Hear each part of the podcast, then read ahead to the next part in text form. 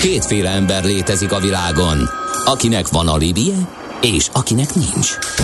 Az elsőnek ajánlott minket hallgatni, a másodiknak kötelező. Te melyik vagy? Millás reggeli, a 90.9 Jazzy Rádió gazdasági mapetsója. Ez nem animi, ez tény.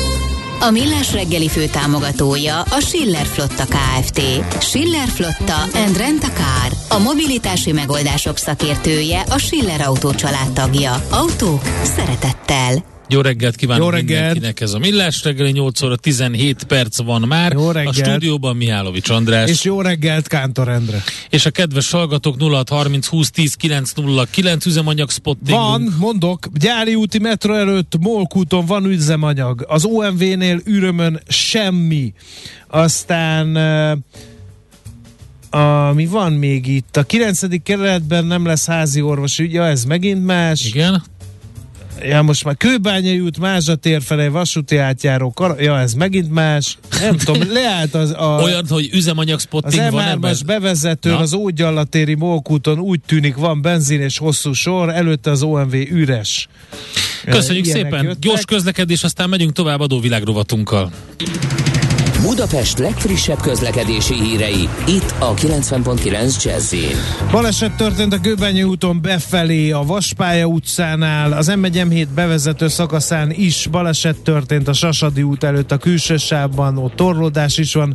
A Rákospalatai határúton befelé a Késmárk utca előtt megint csak torlódás van, megint baleset miatt, és ha nem lenne az elég Csepelen a Weissmanfred úton is baleset történt, de ott kifelé a Kisdunasor után. Az adó a jövedelem újrafelosztásának egyik formája, a költségvetés bevételeinek fő forrása, a jövedelem szabályozás eszköze. Az adóztatás fő célja anyagi eszközök biztosítása közcélok megvalósításához.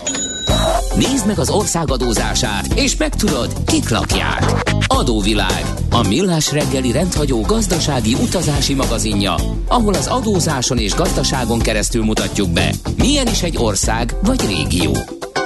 Adóvilág. Iránytű nemzetközi adóügyekhez. Hát most nem ország vagy régió, hanem inkább egy szövetség. Egy ország, egy csoport. szövetség, egy unió, az, amiről beszélni fogunk, mégpedig az Európai Unió. Hát kérem szépen, ha EU adójogi aktualitásokkal foglalkozunk, Gerendi Zoltán, a BDO Magyarország ügyvezetői adótanácsadó partnere itt a vonalban. Szervusz, jó reggelt! Jó reggelt, sziasztok! Mit tud az Unió most kezdeni a jelen helyzettel? Hát kell a pénz rendesen, mert a szankciók emésztik fel a pénzt, ugye a gazdasági nehézségek szűkítik a mozgásteret, zöld átállás is van, ugye ebbe már belevágtunk uh, még jókor a Covid előtt, hát ez mind-mind forrásigényes, hogy szedik össze, milyen az adórendszer, ami ezt összegerebézi, ezt az hát, írdatlan mennyiségű pénzt. Így van, így van, egy elég komplex témakör. Ugye hétfőnként általában ilyen hónap elejé hétfőnként mindig ilyen általánosabb témákat nézünk, tehát nem ország specifikusokat, így került a EU aktualitásokra a sor. Olyan nagy rendkívüli esemény nincsen, de azok a problémák, amiket mondtál, azok abszolút vannak. Na most a azt tudni kell, hogy az EU eh, bevételi rendszere önmagában, tehát amit, eh, ami, amiből maga az EU gazdálkodik, az eh, nem elsődlegesen adóalapú. Tehát a, amiről beszélni fogunk, az az EU bevételeit nem határozza meg, hanem inkább a tagországoknak az együttműködési minőségét, illetve az adóbeszedését javítja, illetve egységesíti, hogy a közös piac gyakorlatilag ténylegesen együtt tudjon működni. Az EU-nak a költségvetése egyébként körülbelül 65%-ban a GDP eh, arányos bevételekre épül, azt mondta, hogy GDP 1,2%-áig eh, mehet föl eh, ez a bevétel, és az a bevétel 18-ban például 65%-a volt a EU bevételeknek, a, a, a, a, azok az adók, amelyek a hozzáadott érték típusú adók, tehát mint az áfa, ilyesmi, abból is fizetünk egy picit be, az 11%-a az EU pénzeknek, vámokat, amiket az EU beszed, gyakorlatilag az EU területre beérkező árukra az 13 százalék, van még egyéb bevétele, az kb. 11 százalék. Tehát az fontos látni, hogy adóról beszélünk, de a az EU az alapvetően nem, a, tehát nem vett kiadókat, nincs is önálló adója, inkább a tagországoknak a bevételeit próbálja, vagy ezt az adó, adójogát harmonizálni, és hát ezt próbáljuk nézni. Most az EU-nak egyébként a tax to GDP aránya összességében az egyáltalán nem jó. Tehát azt azért tudni kell, mert közel, hát 41 százalék körül van a, a, az aránya, és ez, ez magas, mert az OECD átlag az 33 és fél, Magyarország is 30, e körül van 34 százalék, tehát az EU-nak a, az, az, tehát az EU tagországokban működő adók, mert ugye az EU maga nem szed be adót, azok, azok az, az, az, az, az elég magas. Na most ezen belül is egyébként, a, a, amit az egyes tagországok beszednek döntően 53,5 százalék nagyjából a munkabére háruló adók, tehát a, a munkával kapcsolatos adók. E, gyakorlatilag a fogyasztásra eső adók csak 26,8 százalék, és a tőkére 19,7. Tehát azt is lehet látni, hogy itt valójában úgy néz ki, mintha a munka a munkavállalók vagy a munkával kapcsolatos adók túl magasak lennének. Ez egyébként nálunk eltérő, mert nálunk a munkát terhelő adók az az EU-s átlag 53,5 helyett csak 44,9, míg a fogyasztásra eső a magas áfánk miatt az 26,8 helyett 30,9, és a tőkére jutó adók azok 19,7 16,2, de ez minden tagországnál más, mi, mi fogyasztási irányba indultunk el, és ez mutatja. Tehát összességében azt lehet látni, hogy az EU foglalkozik az adójoggal, de nem a saját érdekében úgymond, illetve a tagországok érdekében, illetve a piac egységesítésében. Most egyébként az EU-nak a, a, a, a gazdaságügyekkel foglalkozó bizottsági tagja, ez a Paolo Gentiloni, aki, aki egy olasz ember, 2019-24-ig van most ő hatalom, és úgy, ahogy mondod, a Covid-dal már kapott ez a történet egy, egy gellert, erre léptek is intézkedésekkel, de maga a Gentiloni úr, ő nem elsődlegesen gazdasági szakember, az elődje a Moszko, Pierre Moszkovicsi, aki 14-től 12 volt, az már inkább. Tehát hát érdekes, hogy a Moszkoviciről azért lehetett hallani, Gentile úrról meg kevéssé, tehát ő szorgalmasan dolgozik, de inkább háttérember. Mert igen, igen. a Moszkovicinak voltak elég forradalmi adóügyi elképzelései. Hát ott sok minden, sokkal több minden történt. E, valójában azt lehet látni, hogy a, a jelenlegi célok az a, az a tisztességtelen adóverseny és az adóelkerülés e, elleni e, fellépés, az országok közötti kooperációnak a, a megerősítése, és hát a, a, a direkt adózás, tehát a jövedelmadózásnak egyfajta harmonizációja. Most ezen belül nagyjából azt, azt kell látni, hogy ami történt, hogy a adóelkerülési direktívákat hozott be, például a Moszkovicsi úr. A, bejött, bejött 2011-ben már a direktíva az administratív kooperációra, tehát ez a DAC. Ezt egyébként a hallgatóknak is egy része, akinek van külföldi jövedelme, az most már élvezi mert 22-ben a NAV már elkezdte nézni a 18-tól élő jövedelmeket, tehát megkapták az adatcseré kapcsán ezeket az adatokat, és itt most az elmúlt hónapokban ez elég rendszeres elfogadtság volt, hogy az adózókat felkérték, hogy e, tisztázzon a bizonyos jövedelmeket, amik nem voltak a bevallásukkal összhangban a külföldi jövedelmek. Tehát ez is elindult. Ezek egyébként abszolút e, normális vizsgálatok voltak, tehát nem a eltitkolt jövedelmeknek a feltárás, hanem inkább ennek az adminisztratív rendezésére mentek. E, gyakorlatilag itt 2020-ban már a, a, a Gentiloni úr vezetésével itt már egy ilyen adó, az adózás egyszerűsítésére, meg a, gyakorlatilag az együttműködés erősítésére egy, egy, egy, egyfajta program elindult, de ebben benne volt az is, hogy, hogy a, ennek az első lépése, hogy a, a, a Covid járvány utáni felépülést e, e, megerősítse egy kicsit valahogy gazdaságilag átámaszta, de mondom, nem központi bevételekről van szó, hanem a tagállamokat támogassa, és itt egy ilyen 25 lépős anyagot állítottak össze.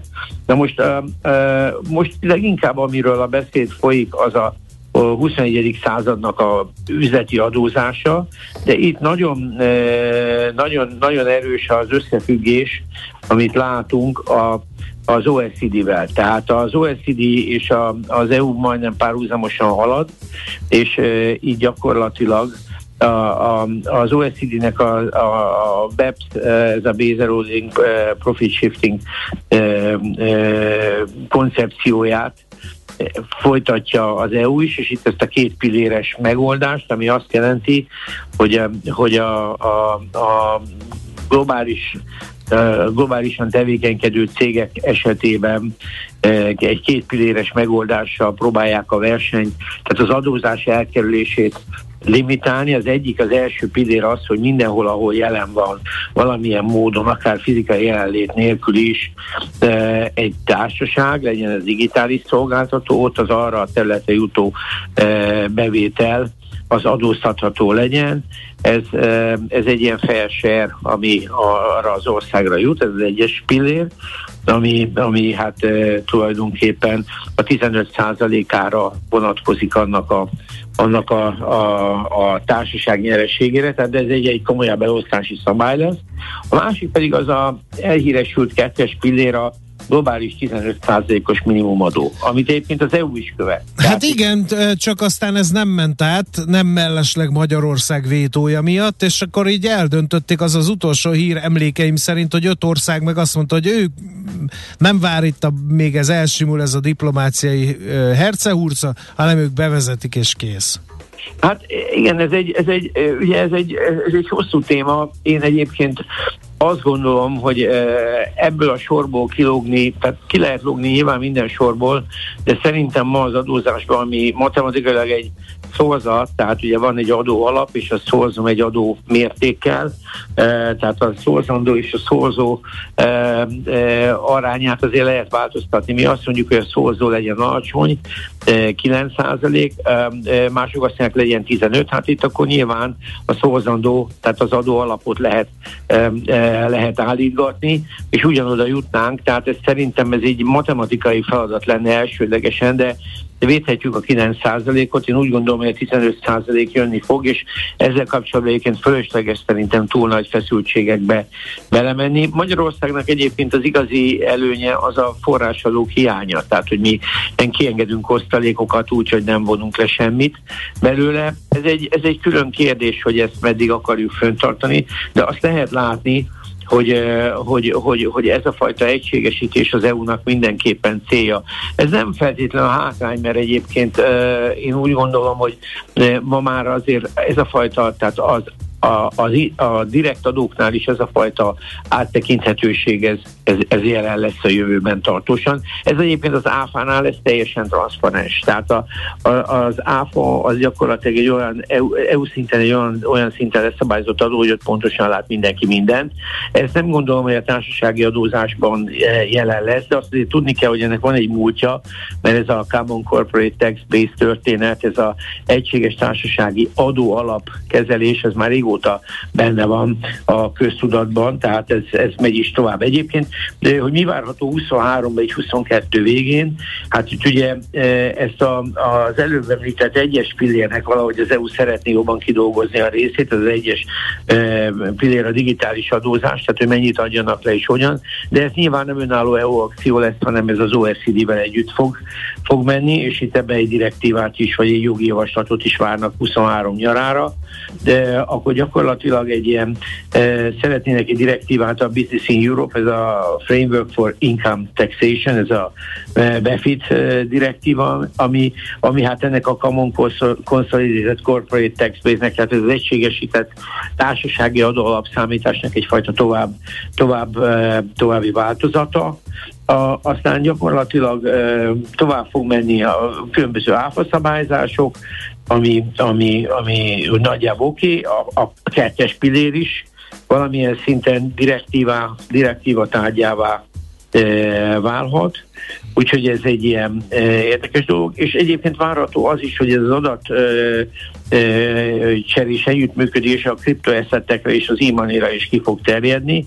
Szóval várhatóak itt, e, várhatóak itt dolgok a jövőben, de úgy, úgy látszik, hogy azért e, nem, tehát a Covid azért egy picit ezt megállította. Most azt nem mondom, hogy az orosz-ukrán háború és az ahhoz kapcsolódó terhek, meg amit látunk, az, az ebbe bejátszik, Én nem vagyok specialista. Hát annyiból játszhat be maximum, hogy kicsit a fókuszt eltereli, hiszen a Bidenék ugye most bejelentették ezt a e, infláció erodáló programot, amit e, kidolgoztak, és erre már volt e, Van der Leyennek válasza is, hogy nem fognak bemenni egy adó vagy vám tarifa háborúba az Egyesült Államokkal, de azért meg kéne védeni az európai érdekeket, úgyhogy volt, most van egy ilyen érdekes újdonság. Igen, hát itt rengeteg dolog van, azt is látni kell, hogy, hogy, hogy, hogy, hogy a, az adózásnak, tehát most ugye arról beszélünk az EU-n belül, itt gyakorlatilag a, tehát a, ez a fajta, mivel nem közvetlen része csak az ÁFA oldalról. A költségvetésnél ezek a dolgok inkább a tagországokat érintik, uh-huh.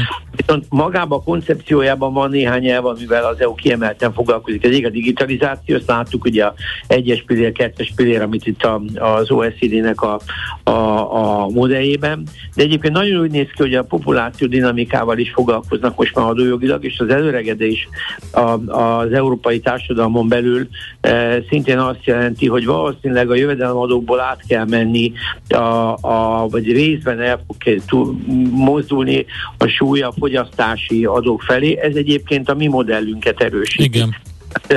Magyarországon, ez, ez, ez, ez, ez mindenképpen jó. Azt azért tudni kell, hogy a nyugdíjak általában nagyon eltérően adóznak az egyes országokban. Alapvetően két iskola létezik, az egyik, ahogy, ahol eh, ahol eh, levonható az adó alapból a nyugdíj eh, előtakarékosság, és ott általában később adózik, amikor megkapja, ha pedig eh, nem levonható, akkor meg adómentesít. Ez a két modell van nálunk, egyébként a nyugdíjak adómentesek. Na most a, a, ami, ami még itt, tehát ez a populációs témakör, és hát nyilván itt, ami még, még bejön az, hogy a, a globalizáció hogyan fog e, működni, ez megint ugye ez az adóelkerülési téma, tehát itt is egy picit ez a, a OECD téma jön vissza, és hát gyakorlatilag egy ilyen, hát a különböző zöld adók és az ehhez kapcsolódó kibocsátási adóknak a kezelése. Tehát gyakorlatilag ezek, ezek, ezek a trendek vannak. Én ezt, ezt tudom így ma elmondani, Jó. persze rengeteg kérdés van, de aztán majd meglátjuk. Majd jön Botond, és akkor ő politikailag Ő meg elmondja, hogy amit most összeszedtél itt szépen, ezt a sok pénzt, ezt hogyan fogják elkölteni. így van. Oké, okay. hát köszönjük szépen. Jó. Érdekes szépen. összefoglaló Sziasztok. volt. Az Európai Uniónak az adó terveit néztük meg, így a inflációs problémák és a ukrajnai háború árnyékában. Gerendi Zoltán a BDO Magyarország ügyvezetői adótanácsadó partnere volt a telefonban, illetve majd jön Feledi Botont külpolitikai szakértő, ő folytatja ezt a kört. Folytatódik az adóvilág, a millás reggeli rendhagyó gazdasági utazási magazinja. Nézd meg egy ország adózását, és megtudod, kik lakják. Adóvilág. Iránytű nemzetközi adóügyekhez. Érkezik Gerendi a... Zoltánnal, igen, tessék parancsolni. Nem, mondjad akkor András, mondjad. Gerendi Zoltánnal végig beszéltük, hogy honnan szedi az Európai Unió a bevételeit, most akkor ismeretterjesztő jelleggel elmondjuk, hogyan költi el azokat. Ebben lesz segítségünkre Feledi Botont külpolitikai szakértő. Szervusz, jó reggel! Sziasztok, jó reggelt kívánok! Hát például le, lefogadom, hogy energiára elkölti most ebben a rendkívüli helyzetben. Hát ez nem olyan egyszerű. ez nem Nocsa. olyan egyszerű, mert, mert ugye energiaügyben az Unió most a legközvetlenebb javaslata, ami történt. Két dolog. Az egyik nyilván rengeteg pénz mehetne a megújulókba. Tehát arra, hogy energiahatékonyság, arra, hogy megújuló energiák, eh, arra, hogy energiatechnológia és innováció, erre lehet költeni az Európai Unió büdzséjéből. Arra, hogy megvegyük európai pénzből azt a gázt, amit otthon elégetünk, ez nem nagyon működik. Ugye ez hát pedig ezt lengették, hogy lesz közös beszerzés, és az ennek, más, ennek... Az más. Aha. Ja, Mert, ja, hogy ez úgy más. történik, ugye, tehát a, a Georgia Meloni is akart pénzt kérni a, a gázszámlákra, de ez nem ment át. Um, és a közös beszerzés azt jelenti, hogy közösen kér ajánlatot az ajánlattevőktől az Európai Bizottság, de utána a tagállamok maguk teszik be ezt a pénzt. Tehát itt nincs egy közös kassa arra, hogy akkor abból fizetik is ezt, hanem arra van lehetőség, hogy közösen kérjenek ajánlatot. Uh-huh. Tehát ez olyan, mint hogyha most közösen elmegyünk étterembe, de azért külön fizetünk. Úgyhogy, úgyhogy akkor én nem megyek. Én csinálok szendvicset. Helyes, ugye? Na hát ezen lehet gondolkozni, hogy szervizet csinálsz, vagy még vágábban megveszed egyedül, mert ugye rosszabb ajánlatot fogsz kapni.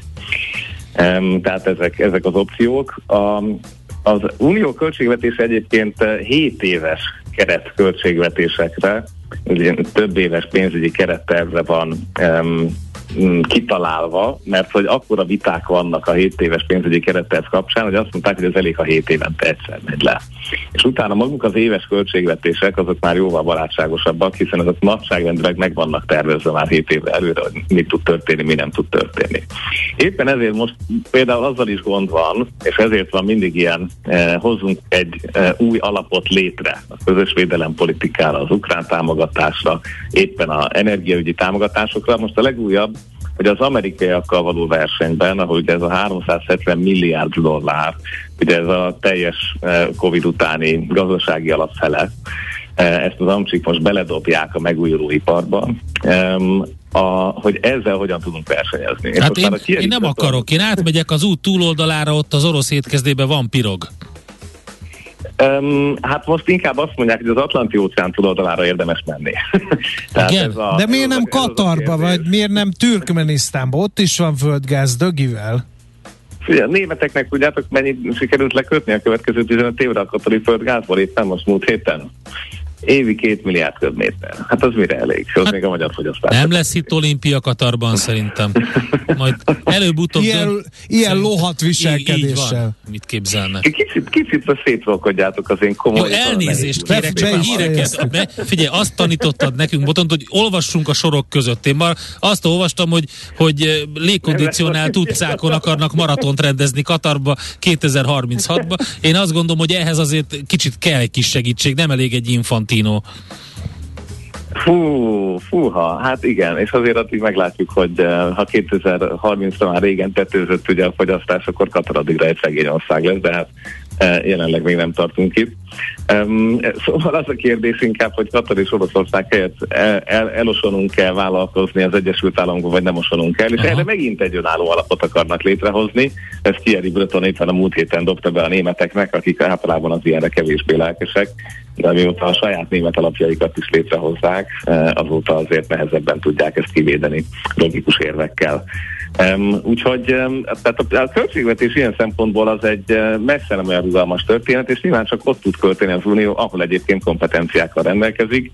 Tehát tipikusan uh, adóügyi intézkedések hatékonyságára sokkal nehezebben költ, hiszen nincs közös adópolitika, vagy pedig um, mondjuk a kultúrában, vagy másban ugyan vannak közös programok, de, de ezek hozzáadott értékek, tehát összehangolásban, másban, alapfunkciókban nem tud uh, ilyen támogatásokat nyújtani. Úgyhogy az unió pénze az így néz ki, hogy ugye az unióból kifizetett pénzeket megvédjék, erről szólt az egész magyar történet, hogy hogyan lehet, ha egy tagállamban felmerül a korrupció ugyanúgy, akkor az hogyan kezelhető uniós eszközökkel. És ugye itt is kompetencia kérdések merülnek föl, ugye lenne erre egy európai ügyészség, de ennek történetesen Magyarország nem tagja, tehát ebben az esetben mit lehet tenni, ez lett a kondicionalitás és az úgynevezett szupermérföldkövek megoldása.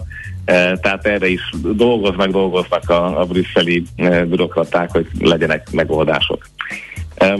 Ha ha mégis azt kérdeznétek, hogy mi tartja őket e, ébren éjszaka, akkor azért nem biztos, hogy mindig mindenki persze a pénz az első, de nem csak ezen dolgoznak. Az hát egyik, a szankciókon szemlátomást, arra nagyon sok idő ja, és energia. Hát meg, hogy hogy, hogy megy ebbe tönkre majd Kelet-Európa, és akkor számolják. Nem, azért ez így nincs. Um, az egyik kedvenc plegykám az az, hogy Ursula von der Leyen és uh, a bizottság elnök asszonya és Charles Michel, ugye az Európai Tanács elnöke, kifejezetten rossz viszonyban vannak. Tehát erről most már számtalan cikk jelent meg itt uh, a, a brüsszeli médiában, hogy már a stábjaik is addig-addig beszélgetnek egymással, és lassan egymás utazásain egy jó éve nem kísérték el a másikat.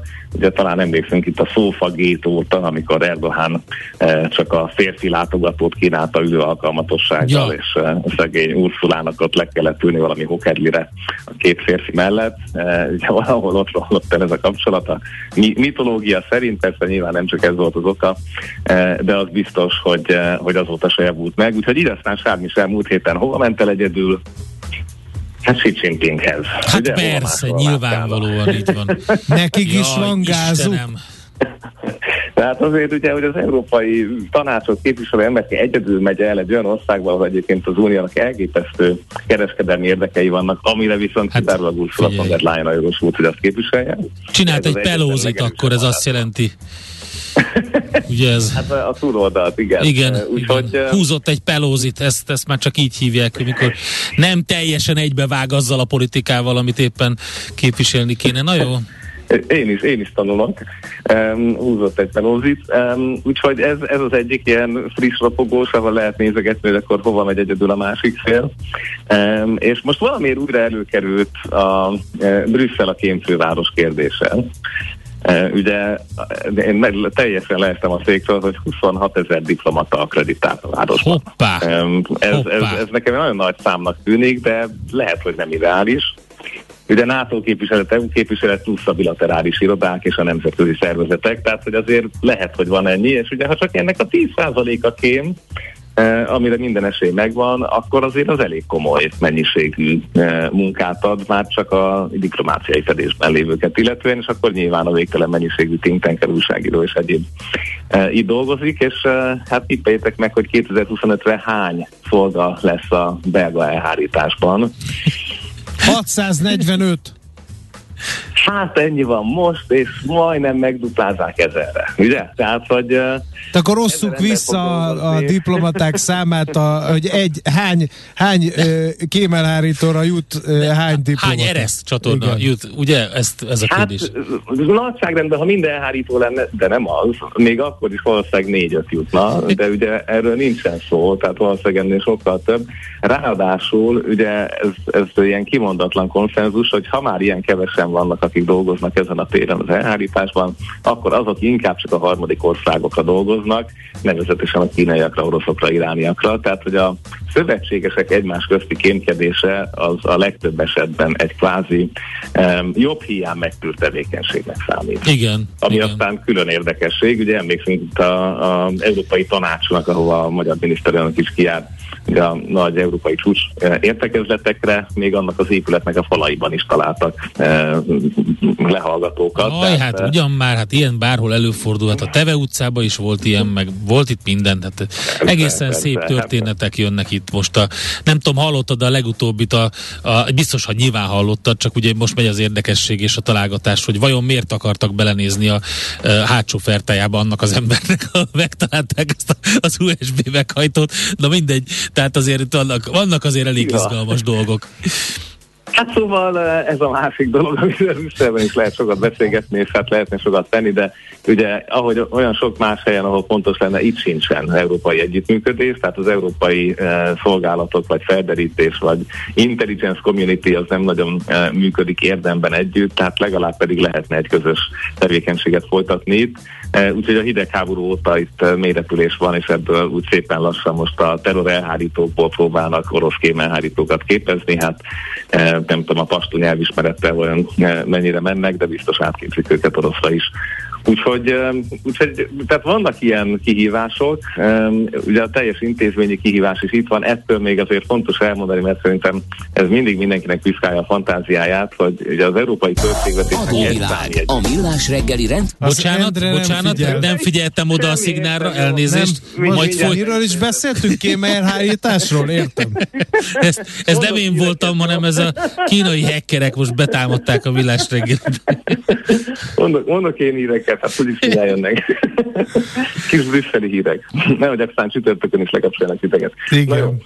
Um, akkor, akkor csak annyi, hogy az európai költségvetésnek egy számjegyű százaléka megy eurokratákra, jó? Tehát ezt azért rögzítsük, hogy egy alapvetően nagyon kevés költségvetésre fut az egyébként nagynak beállított bürokrata hadsereg, ami, ami ugye tipikusan el szokták mondani, hogy a Rotterdami kikötő személyzeténél vagy a Párizsi városházánál tulajdonképpen kisebb.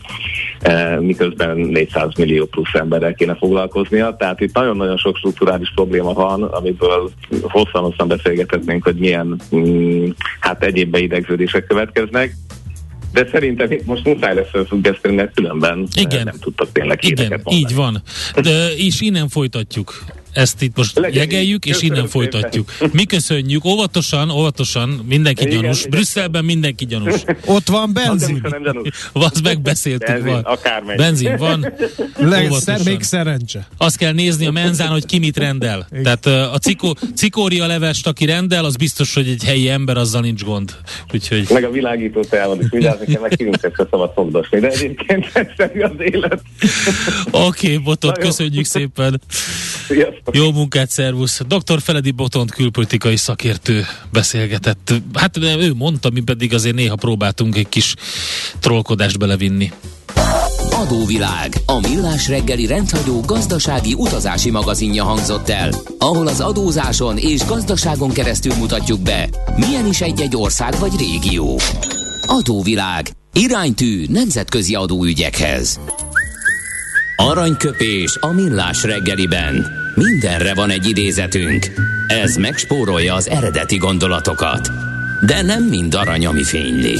Lehet kedvező körülmények közt gyémánt is. Krisztina költő, író 1967. december 5-én született. Ő mondta egy ízben, a szegény embernek mindegy, mit hord a fején, elég ha arra figyel, hogy ne ártsa magát a politikába, azzal foglalkozzanak csak a gazdagok. Aranyköpés hangzott el a millás reggeliben. Ne feledd, tanulni ezüst, megjegyezni arany. Szívesen böngésznél a nemzetközi és hazai piacokon? Meglovagolnád a hullámokat? Akkor neked való a Hotspot piaci körkép az Erste befektetési. Gyors jelentések, gazdasági mutatók, események. Nálunk mindent megtalálsz szakértőink tolmácsolásában. Ha azonnali és releváns információra van szükséged, csatlakozz piaci hotspotunkhoz. Jelszó Profit nagy P-vel. Na nézzük, milyen Na de Papírokat. honnan lesz profit? Ezt honnan lesz, így van. igen. Kovács Bálint, a USA Desk üzletkötő el fogja mondani nekünk. Szervusz, jó reggelt! Sziasztok, köszöntöm a kedves hallgatókat. Na nézzük akkor, mit, mit, mit szemeltél Mi ki? a sztori? Mit mutat a csárt? Hát nagyon érdekes volt egyébként ez a múlt hét, ugye mak- makrogazdasági adatárazat volt gyakorlatilag. Most azért lesz egy-két fontosabb vállalati jelentés, most ez a makrofront egy kicsit mondjuk úgy, hogy lazább lesz, egy kicsit ilyen kevésbé lesz érdekes, tehát azért láttuk, hogy a múlt héten itt óriási ugrálások voltak. Az S&P az 1,13%-ot tudott emelkedni, 4071,7 ponton zárt, de volt egy 4100 felett is, tehát azért az egy ö, elég komoly kis emelkedés volt, főként ott a szerdei napnak köszönhetően. A Dow Jones volt most a gyengébb, az egy 0,24%-ot tudott teljesíteni, és a Nasdaq az közel 2,1%-ot tudott emelkedni. Ugye a legfontosabb hír az gyakorlatilag ez a szerdai Jerome Powell beszéd volt. Itt tehát, hogy is mondja, ez a kimondott szó ereje dominált igazából a piacon. Alapvetően semmi olyat nem kommunikált azzal kapcsolatban, hogy hogyan folytatódnék a Fednek ez a monetáris pályája, vagy éppen, hogy változtatnának rajta valamit, de gyakorlatilag kijelentette, hogy ő úgy érzi, hogy elég lesz a kisebb 50 bázispontos kamatemelés is itt az év végével. A boomernek gyakorlatilag felrobbant a tőzsde, tehát úgy elkezdték venni a piacokat, hogy az töröm volt nézni, ö, pedig új információ igazából nem volt benne, és emellett egyébként mondjuk úgy, hogy még a második legfontosabb adat pénteken ez, ez a non-farm payrolls foglalkoz, Mhm. foglalkoztatottak számának a változása, ez meg inkább egy negatív olvasata lett, ugye plusz 63 ezer főt regisztráltak, és még az előző adatot is egy bő 23 ezerrel felülvizsgálták. Tehát összegészében azt lehet mondani, hogy a vegyes makrogazdasági adatok ellenére relatív szépen tudott főként ez a Powell beszéd miatt teljesíteni a piac. Amit nagyon érdekes volt nézni, az egyébként a Salesforce jelentése. Ugye az LPS és adózott eredmény oldalon is jobb lett, mint amit várták. Az árbevétel meg a várakozásoknak megfelelően alakult, de azért egy szerényebb árbevételt várnak itt majd a negyedik negyedévre, illetve eredmény oldalon is, valamint a társ CEO Brett Taylor távozik a vállalat éléről, tehát ez mindenképpen megütötték a papírt. És az Apple-t lesz még nagyon érdekes nézni. Itt egy ilyen gyakorlatilag egy ilyen hír áradat volt az apple a múlt héttel kapcsolatban. Volt abszolút negatív hírek napja, az a hétfő volt, meg volt nagyon pozitív hírek napja, az a szerda. De a hétfőn itt megint negatív hírek érkeztek, tehát ez biztos, hogy érdekes mozgás lesz itt a cégnél. Ugye hétfőn gyakorlatilag Elon Musk megvádolta az a Apple-t, hogy a cég azzal fenyegetőzött, hogy letiltja a Twittert az App Store-ból, Hm. illetve kritizálta ezt a Igen, igen, kritizáltam még mellé ezt a 30%-os App Store-os jutalékot is, ugye ezt sokan szót ejtettek többek között a Spotify is, hogy azért ez egy elég komoly marzsal dolgozik a cég. Aztán a szerdai hírek az egyébként Tim Cook, az Apple-nek a CEO-ja meghív, ö, meghívta egyébként Elon Muskot, és hogy állítólag megoldódott közöttük a helyzet, megbeszéltek mindent, valamint kiemelték, hogy ez a fő uh, Chengchui Apple gyárban is, ugye feloldotta a Foxconn a korlátozások egy jelentős részét, illetve komoly bónuszfizetést eszközöltek egyébként. Januári körülbelül egy 1300 dollárt kereshet az, aki ott marad dolgozóként, ez azért ott a, a kínai piacon ez nem egy rossz pénz, de mindezek ellenére azért azt tudni kell, hogy 2022-ben akár egy ilyen 16 milliós elmaradás lehet az iPhone 14 gyártásban. Ez egy 20%-os ö, esés, tehát itt, itt, itt azért még komoly félelmek lehet az Apple-nek a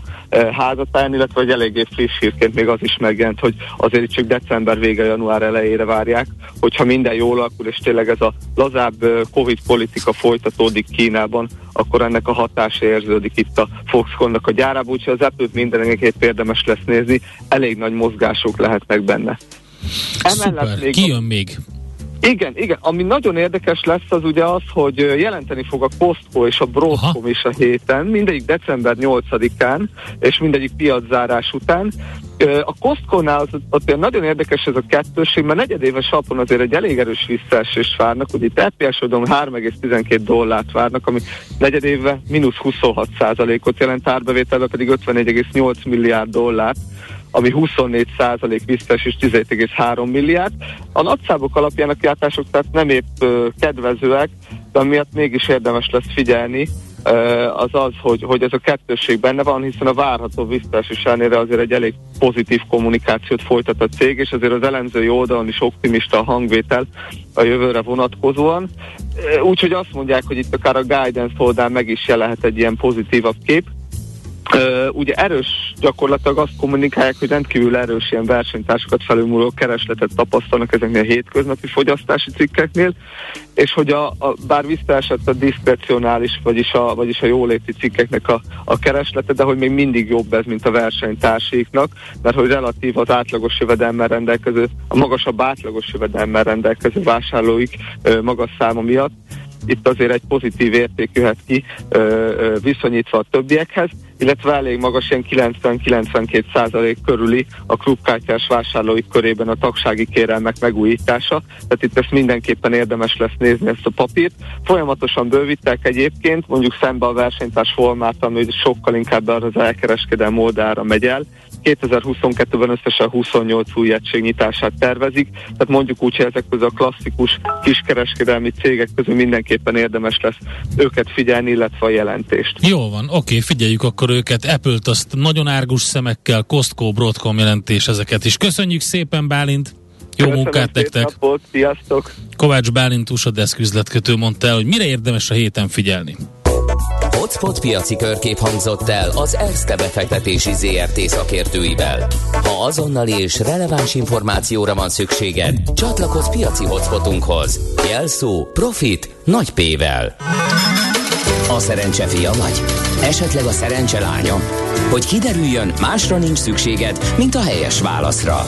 Játék következik egészen elképesztő, hogy bár bemondtuk, hogy hova kell küldeni a játékkérdéseket, azonnal jött egy rossz címre egy megfejtés, és ahogy ezt megmondtuk, azt törölni fogjuk, mert egyszerűen nem bírjuk. Tessék odafigyelni, kérjük azokat, akik játszani szeretnének, meg nyerni szeretnének, hogy a jó e-mail címre küldjék a megfejtést. Heti nyereményünk ugyanis egy két főre szóló exkluzív vacsora Huszár Krisztián séf fogásaival a Show Restaurant Bar and Café felajánlásában. Melyik kérdésünk, melyik a világ legdrágább fűszere? A. A kardamon, B. A sáfrán, vagy C. A rózsabors. De hova? Na hova kell küldeni? Tessék figyelni, most jön, hogy hova kell küldeni a megfejtéseket. A helyes megfejtéseket ma délután 16 óráig várjuk a játékkukac jazzy.hu e-mail címre. Kedvezzem ma neked a szerencse!